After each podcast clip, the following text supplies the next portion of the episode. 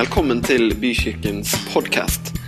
For mer informasjon om oss cvvvbykirken.no.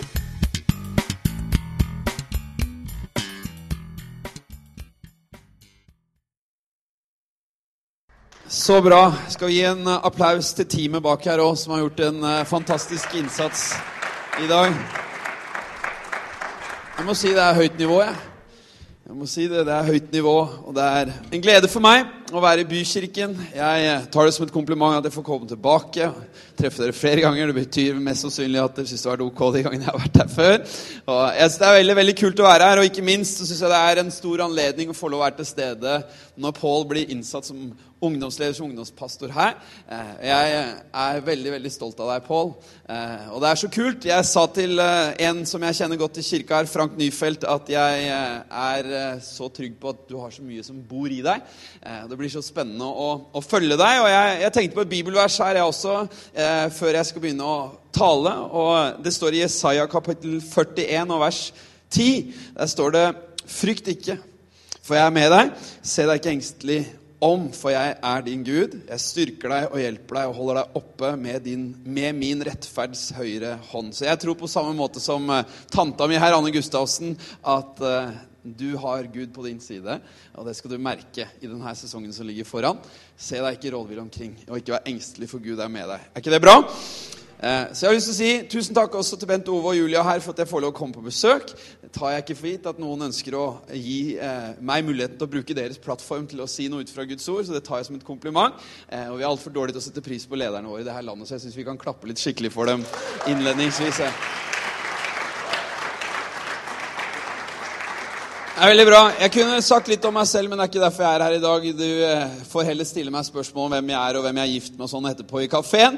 Men jeg har lyst til å preke til deg ut ifra en overskrift som eh, er som følger En kirke som har mer enn nok. En kirke som har mer enn nok. Og For deg som er vant med å høre meg preke, så er det veldig ofte sånn at jeg leser en tekst først. Så ber jeg, og så sier jeg noe ut fra det. I dag skal jeg messe litt med min egen liturgi, og så skal vi be først, og så skal vi gå inn i ordet. Høres det bra ut? Takk, Jesus, for eh, denne muligheten til å si noe ut fra ditt ord. Jeg er veldig takknemlig i dag for at vi slipper å be om at Bibelen skal ha en bra dag, for Bibelen den er bra. Jeg ber om din hjelp til å si noe ut ifra ditt ord, som kan være til oppmuntring både for enkeltpersoner og for bykirken i Tønsberg. Takk for det du har gjort i denne kirka og i dette fellesskapet gjennom mange år. Men jeg syns takk at det som du har foran for denne kirka, er enda bedre enn det som ligger bak. Jeg takker for de stegene de tar i tro, både økonomisk og helt praktisk ved å ansette Pål og ved å utvide arbeidet. Så takker jeg deg for at du ser det, og du tar deres tro på alvor. Jeg ber at det skal skje mirakler. Jeg ber at det ordet jeg kom med i dag, kan få være til hjelp for det som ligger foran. Og hvis du syns det var en ok bønn, så kan du godt si oh yeah. Oh yeah, Det er bra. Du, jeg er eh, glad i Bibelen, og jeg har lagt merke til at det er en del bibelhistorier som folk som ikke engang er vant med å lese i Bibelen, kjenner til. Så når du begynner å snakke om Moses og forteller kanskje historien Jeg vet ikke hvor ofte du pleier å snakke om Moses på jobb, men jeg har i hvert fall vært i liksom settinger der jeg har snakket med folk som ikke tror. Og det som er at liksom, ja, den historien om Moses den har jeg hørt. Den har jeg sett på film. Eh, og det er mange da som har sett prinsen av Egypt. ikke sant? Den her There can be miracles Ok. Eh, som liksom har fått med seg den. Det var helt gratis. Eh, som har fått med seg den filmen, og derfor så kjenner de historien om, eh, om Moses. Vi skal eh, få opp et bilde her ja, eh, av en annen film som ikke er så kjent. De aller fleste har egentlig sett denne prinsen av Egypt. og Søsteren min hun lagde, lagde et dramastykke om det i stua vår, husker jeg, for den filmen var så fin. Men den her er det ikke så mange som har fått med seg. Det var oppfølgeren, og den heter 'Josef drømmenes konge'. Og Interessant med denne her filmen er at når du søker den opp på Netflix, så står det at det er en eventyrmusical. Nytt for meg, for jeg trodde det var en bibelhistorie. Men hvis du vil hjem i dag og se en eventyrmusical, så kan du gå hjem og se på Josef, drømmenes konge. Og jeg har lyst til å bruke historien om Josef som et utgangspunkt for det jeg ønsker å dele med deg i dag. Jeg kommer ikke til å ta utgangspunkt i filmen, men jeg kommer til å ta utgangspunkt i historien. Så er det sånn at Grunnen til at jeg ikke leste bibelteksten først i dag, det er at den delen av historien om Josef som jeg ønsker å dele ut fra, det er første Mosebok kapittel 37 til vers 41. Nei, til kapittel 41, og det kunne blitt en litt lang bibeltekst om du er med meg i dag. Så jeg tenkte heller at for deg som enten ikke har sett filmen eller ikke har lest historien, eller for deg som har lest historien, men det er en stund siden du har vært inni den, så ønsker jeg å gi en liten recap på historien om Josef. Og jeg ønsker å bruke den som utgangspunkt for å snakke om en kirke som har mer enn nok. Høres ut som en grei plan? Det er bra. I eh, Første Mosebok, kapittel 37, så får vi høre om en fyr som heter Jakob, en viktig skikkelse i Israels historie. Og det står at han har en hel gjeng med sønner. Han eh, har Josef som en del av en søskenflokk på tolv stykker. Og Josef han er en av sønnene som har kommet sent i Jakobs alderdom, står det. Og derfor så har han, apropos min eh, Anne Gustavsens introduksjon av Pål her, han har blitt gullklumpen til faren sin. Og eh, Det er hyggelig for Josef i utgangspunktet, men det gjør at allerede fra ung alder og Vi kommer inn i historien når Josef er 17 år, og det står at pga. at han var gullklumpen til faren Han han som fikk lov å velge lørdagsgodtet. Han var den som liksom eh, fikk lov å bestemme hva man skulle leke på lørdagene. Han var den som fikk designerkjortelen når de andre måtte gå med sånn Hennes og Maurits-kjortel osv. Det står om det her. Ikke helt ordrett, men det står, står om det. Og Han var gullklumpen, og derfor så var det sånn at allerede før noe mer av historien kommer, så var det sånn at de andre brødrene de mislikte Josef. Det er sånn at Når du leser i eh, første Mosebok kapittel 37, så ser du at eh, i ung alder, i 17 års alder, så får Josef en drøm. Han får et bilde i en drøm som er gudgitt der. Det blir synlig at han skal få en fantastisk framtid. Og bildet han ser, det er at han, sitt kornaks, come on somebody, det reiser seg, mens de andre brødrenes kornaks, det bøyer seg for han. Og jeg vet ikke om det er smart alltid å dele de drømmene Gud gir deg. I hvert fall ikke ut fra, ut fra Josef sin historie, for han deler med brødrene sine, som allerede misliker han, at han skal bli reist opp, og de skal bøye seg for han, så faller det ikke kjempe kjempegod jord. Det står nemlig at da hatet de han enda mer. Og det er sterkt. Så får han en drøm til som eh, er et annet bilde, men som har samme tematikk. At han skal bli reist opp, og de skal bøye seg for han. Og da står det faktisk en gang til i teksten i 1. Mosebok 37 at da hatet de han enda mer. Jeg vet ikke hvordan ditt forhold er til dine søsken, men jeg kan si at i den familien her så var det ganske dårlig stemning blant søsknene. Jeg har to søsken, og jeg har slåss en del med broren min opp igjennom, men det er ingenting i forhold til hva vi ser i 1. Mosebok 37. En dag så er brødrene hans ute og gjeter, og så klart så er jo ikke Josef med. Han sitter hjemme og ser på Netflix, for han er jo gullklumpete far. Han må ikke bli skitten på hendene. Han får lov å kose seg hjemme, mens de andre er ute og jobber. Sånn er det. Sånn blir han enda mer mislikt. Vel, han blir sendt ut av faren for å se om gutta har det bra, om det går greit med dem, om det går fint med sauene som de gjeter. Og når eh, hans eh, brødre ser at han kommer på avstand, så bestemmer den seg for at nå er vår sjanse til å ta knekken på broren vår. De bestemmer seg rett og slett for å drepe ham. Hyggelig gjeng? ikke, ikke i det hele tatt. Men Ruben, en av brødrene, han som har mest samvittighet, han sier nei, nei, vi, vi, vi kan ikke drepe ham. Det blir for drøyt. Vi kaster den heller i en brønn uten vann ute i ørkenen. Det er en god idé.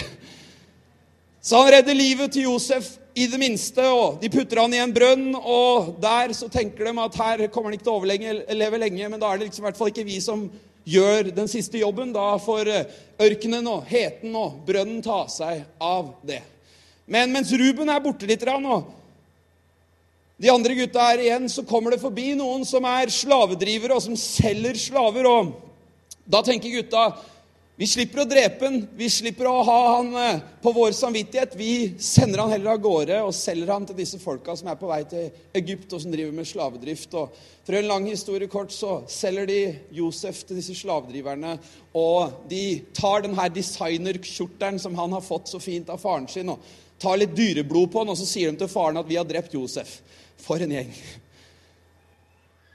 Josef han eh, ender opp i Egypt, og han begynner å jobbe for en som heter Potifar. Si Potifar. Bare for å sjekke at du er våken i dag. Potifar er, eh, ut fra det vi leser i første Mosebok og utover i kapitlene der, en businessmann som har enormt med ressurser.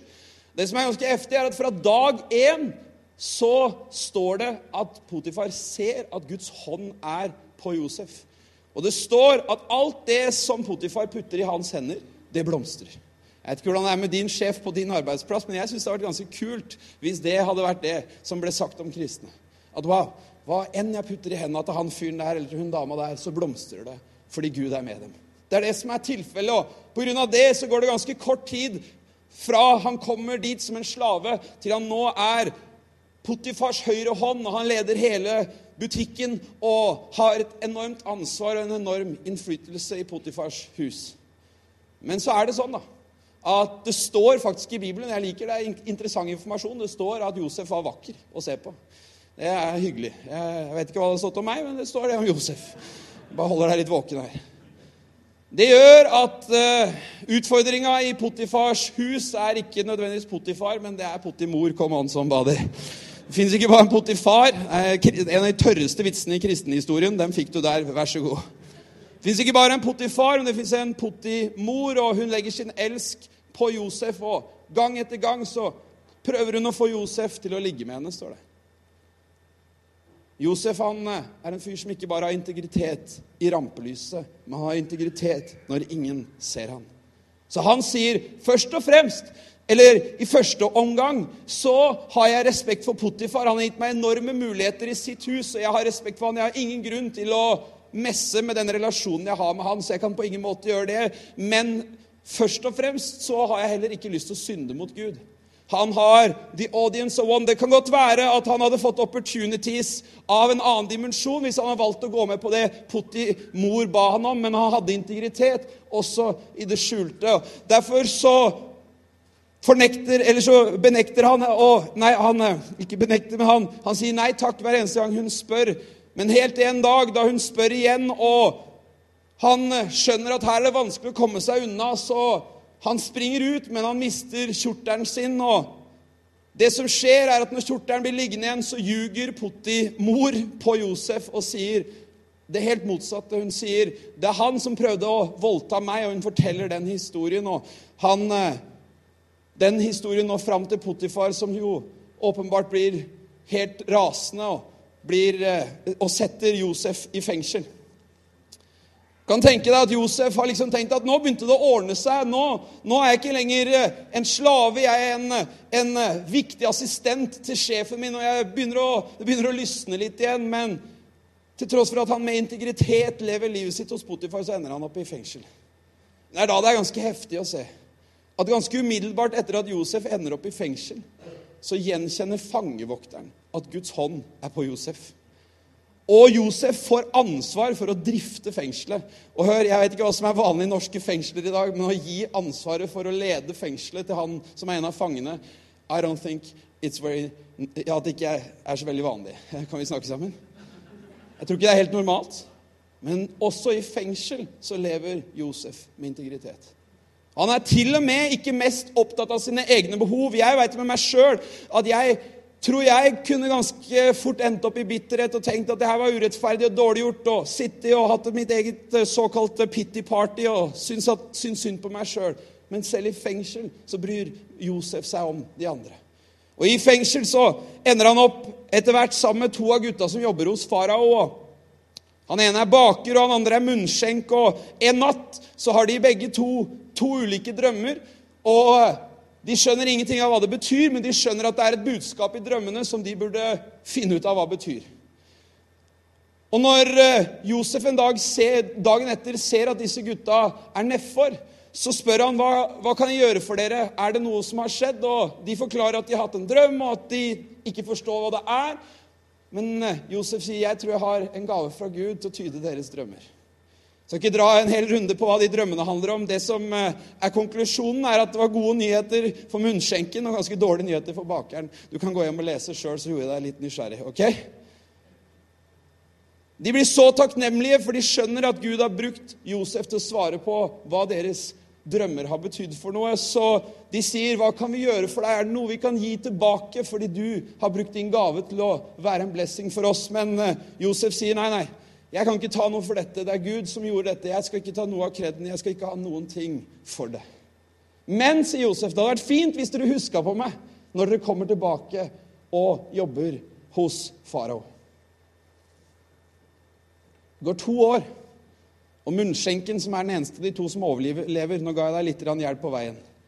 Ender tilbake og jobber hos farao, men han glemmer Josef. Jeg vet ikke med deg, men Jeg er ofte frustrert over at Gud ikke klarer å svare fortere på bønnesvar. Da er det bare å lese litt i Guds ord, så ser du at det er ganske mange andre som har fått vente enda lenger. Men etter to år så har farao en drøm. Han har to drømmer, og den ene drømmen den handler om kuer. Spennende greier. Han får et bilde i en drøm der han ser syv feite, solide kuer. Syke drømmer på den tida. Jeg har ikke så rare drømmer, men det er greit.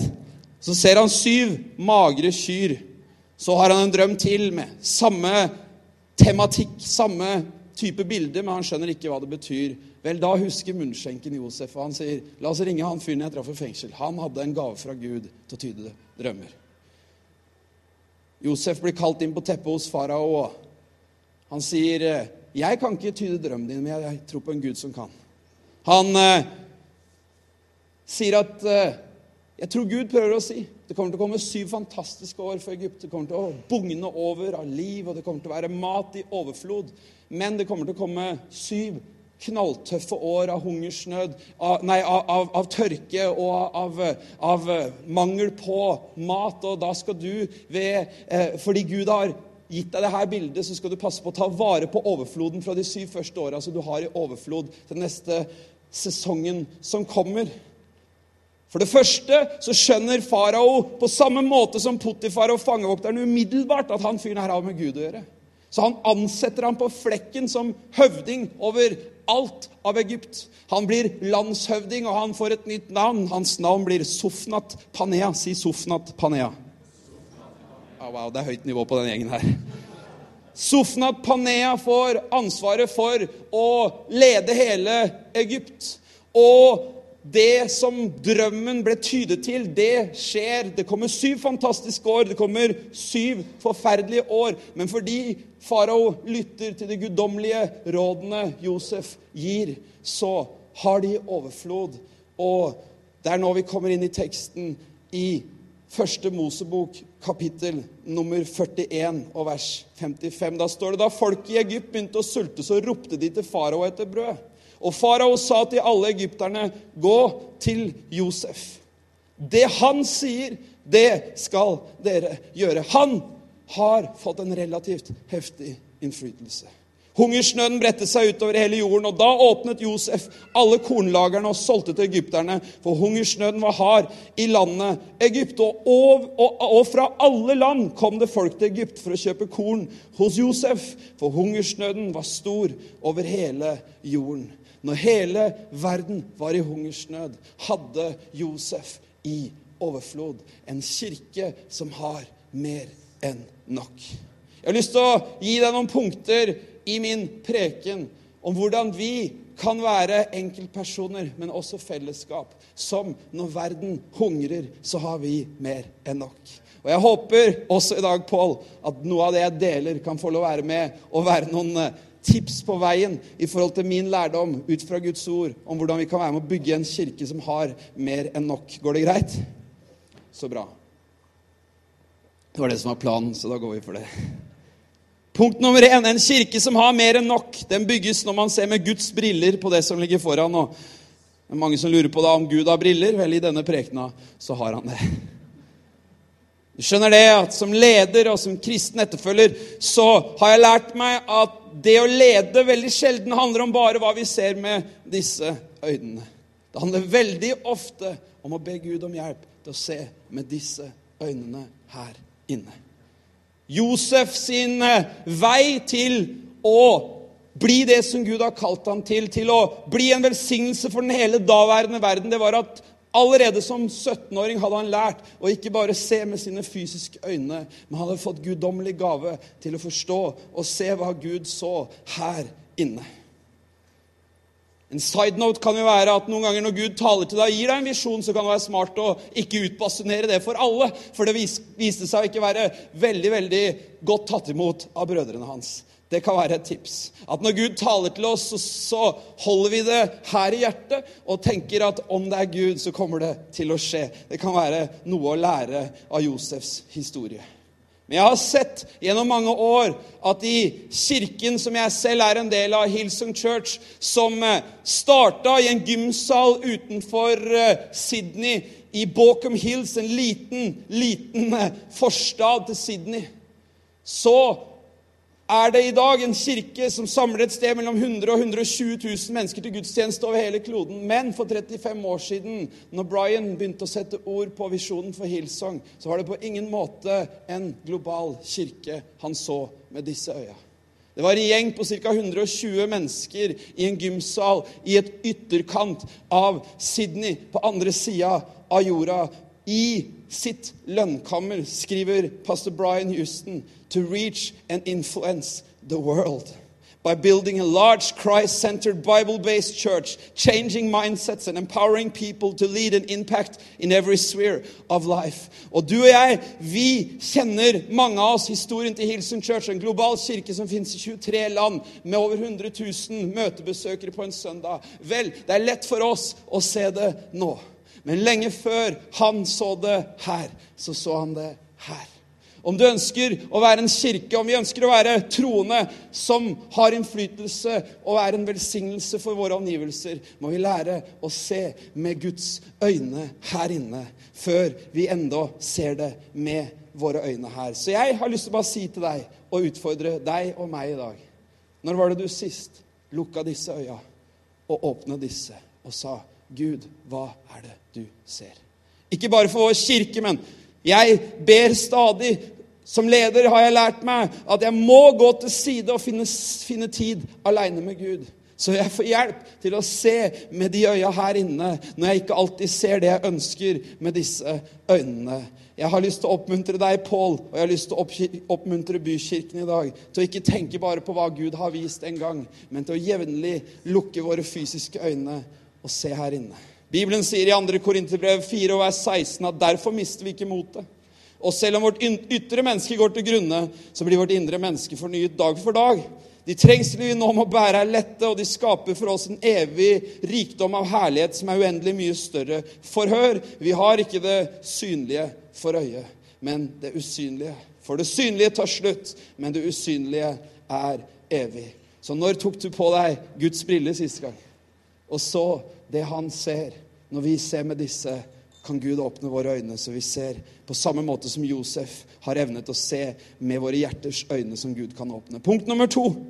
Hvis du skal bygge en kirke som har mer enn nok, så må man bygge en kirke som eh, faktisk er tro mot det bildet Gud har vist over tid.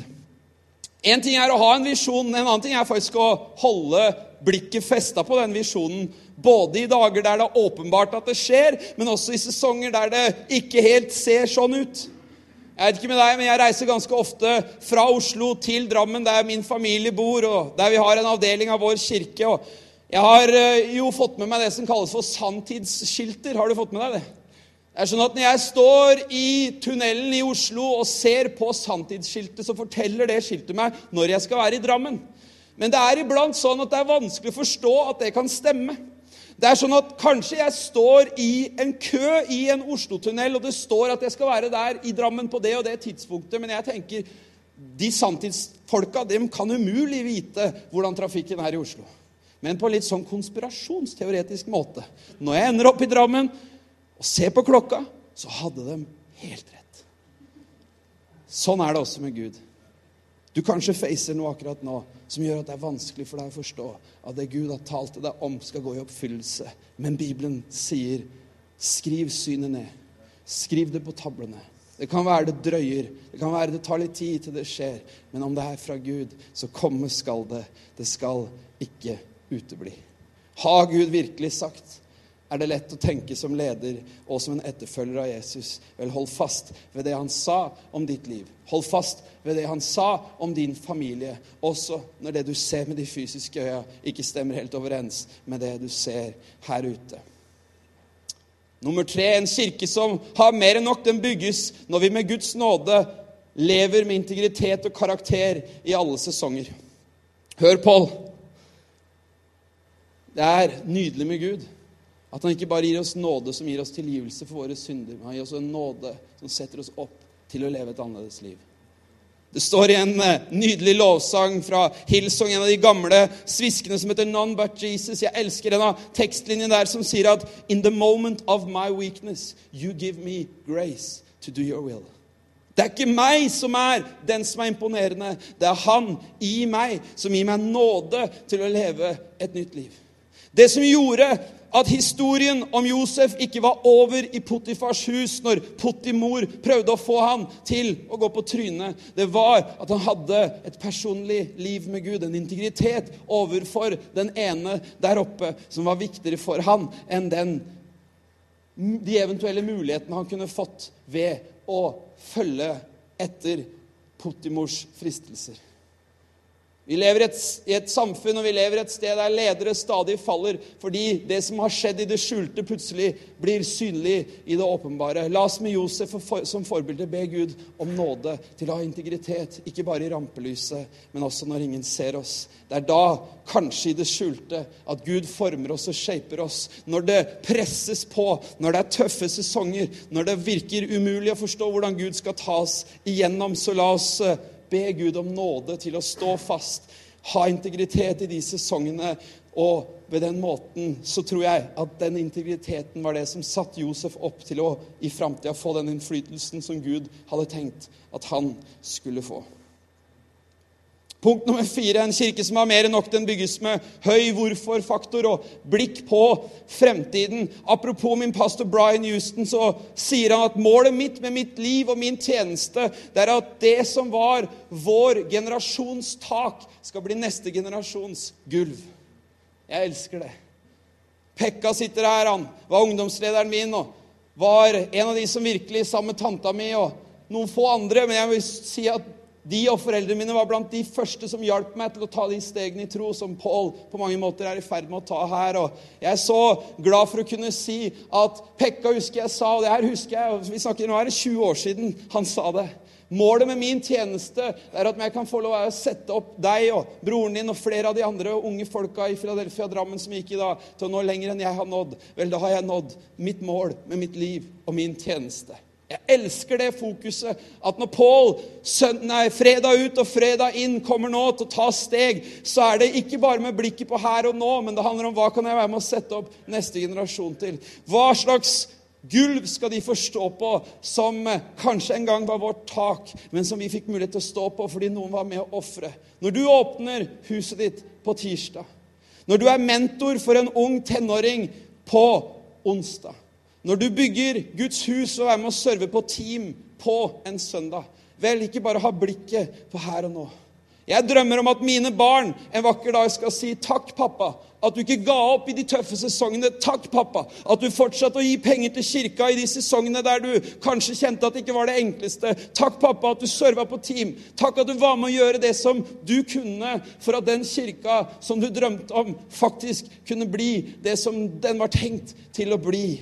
Fordi ikke jeg hadde bare blikket på hva som skjer her og nå, men hva jeg kunne være med å sette i bevegelse. På samme måte så fikk Egypt i overflod til neste generasjon fordi de ved guddommelig visdom tok vare på overskuddet de første sju åra. Så kunne neste generasjon som kom etter, ha det de trengte. La oss være en bærekraftig kirke. En kirke som ikke bare tenker her og nå, men tenker hva kan vi gjøre for å sette opp neste generasjon til å bli alt det som Gud har kalt dem til å bli. Hva om bykirken i framtida kunne nå og ha innflytelse i enda større grad i Tønsberg? Fordi du som går her nå, forstår at det du gir nå, faktisk er med å sette opp neste generasjon for å bli alt det Gud har kalt dem til å bli. Vi nærmer oss slutten nå. Teamet kan straks komme og gjøre seg klare. Punkt nummer fem. En kirke som har mer enn nok, den bygges når vi lener oss på Gud som kilde og er bevisst vår avhengighet av Han. Jeg digger med Josef. Det at hver eneste nye plass han setter sine føtter på, så går det ganske kort tid før folk bare observerer at han har Gud med seg. Folk som ut ifra teksten, sånn som vi kan se det, ikke selv har en personlig tro eller et forhold til Gud, men de forstår ut ifra hva frukten av hans liv er, at Gud er med han. Og jeg digger at han er veldig god også på å ikke peke folk i retning av seg sjøl, men å peke dem i retning av Gud. Når farao ber han om å tyde drømmen, så sier han til farao at det står ikke til meg å tyde dine drømmer, men jeg kjenner en Gud som kan. Jeg har lyst til å oppmuntre Bykirken og jeg har lyst til å oppmuntre vårt fellesskap, som jeg er en del, i, del av å si. Det har aldri vært vi som har vært imponerende med Hillsong Church. Det er han som er imponerende med Hillsong Church. Det er ikke du og jeg som er imponerende med kirka. Vi er uperfekte kar som har våre gode dager og våre tøffe dager. Men hei, vi er her for å peke i retning av en helt annen. Han som har skapt himmel og jord. Han som vi kan si at det står ikke til oss å forandre denne byen. Det står ikke til meg å være en velsignelse for mine omgivelser, men jeg kjenner en Gud som, når verden mangler, så har vi mer enn nok. Vi har forstått at X-faktoren i kirka og i menighetene vi bygger, det er ikke oss. Det er derfor vi synger en av de mest kjente lovsangene, 'Christ alone, cornerstone'. The weak made strong in the Savior's love. Det er han som er hjørnesteinen. Om ikke Gud bygger huset, bygger bygningsmannen forgjeves. Det er han som er imponerende med kirka. Det er sannelig ikke oss. Grunnen til at Josef fikk en enorm innflytelse, var at han visste å peke mennesker i retning av det som var kilden til at han hadde den visdommen og integriteten som han hadde både på toppene og i dalene. Når vi ser på oss, så mangler vi alltid noe. Når vi ser på Jesus, har vi alltid mer enn nok. Er jeg hyrde, da mangler jeg alltid noe. Men om Herren er min hyrde, da mangler jeg ingenting. Selv i hungersnødstider skal jeg ha i overflod. Selv i tøffe sesonger kan jeg si, ikke se på meg, du kommer til å bli skuffa. Se på han. Han er den som har mer enn nok i Jesu navn.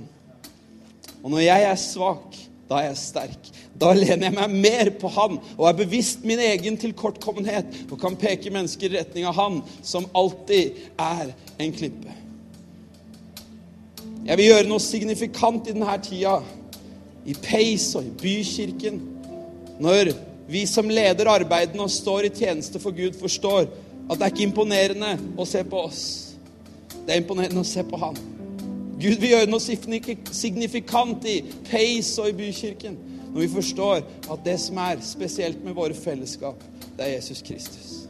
Og hør, mitt siste punkt i dag er den kirke som har mer enn nok, den er velsignet for å være en velsignelse. For da folk i Egypt begynte å sulte, så ropte de til farao etter brød. Og farao sa, 'Gå til Josef'. Hva om det kunne bli kirkas rykte? At når samfunnet ikke veit hva de skal gjøre med tenåringene i Tønsberg, som ikke finner veien sin, som ikke finner håp, som ikke finner framtid, så kan de si 'gå til bykirken'. Det er ikke et perfekt fellesskap. Består ikke av folk som har alt på plass. Men de har invitert Gud inn. Det virker helt obvious at det fins en Gud-faktor over det huset der, over han ungdomslederen der. Det er ikke en fyr som er høy på seg sjøl, men det er en som har forstått hvem det er, som er hans kilde. Og i den sesongen som ligger foran, la det være sant om denne kirka, at det som skjer gjennom Pace og gjennom bykirken, det handler om en forståelse av hvem Gud er. Og det handler om en forståelse av at vi kan få lov å være en velsignelse når flyktningkrisen skyldte over Europa, og Sverige ble en av nasjonene som kanskje fikk noen av de største utfordringene pga. at landet fyltes opp, og de hadde kanskje ikke helt systemet for å ta imot alle. I stedet for å forbanne mørket, så fantes det noen unge folk i Hillsong Church i Stockholm som tenkte hva kan vi være med å gjøre for å skape en forandring. Og de lagde en app som kaltes for Welcome-appen. En app som var tilgjengelig for å koble folk i Sverige som ønska å åpne sitt hjem og være venner for flyktninger som kom til et helt nytt land. Og Jeg digger at i den sesongen så var det masse negativt om flyktningkrisen. Mens kirka kunne, mens folk, politikerne kunne si Se til Hillsong Church. Se til, se til de folka der. De har håp å bringe.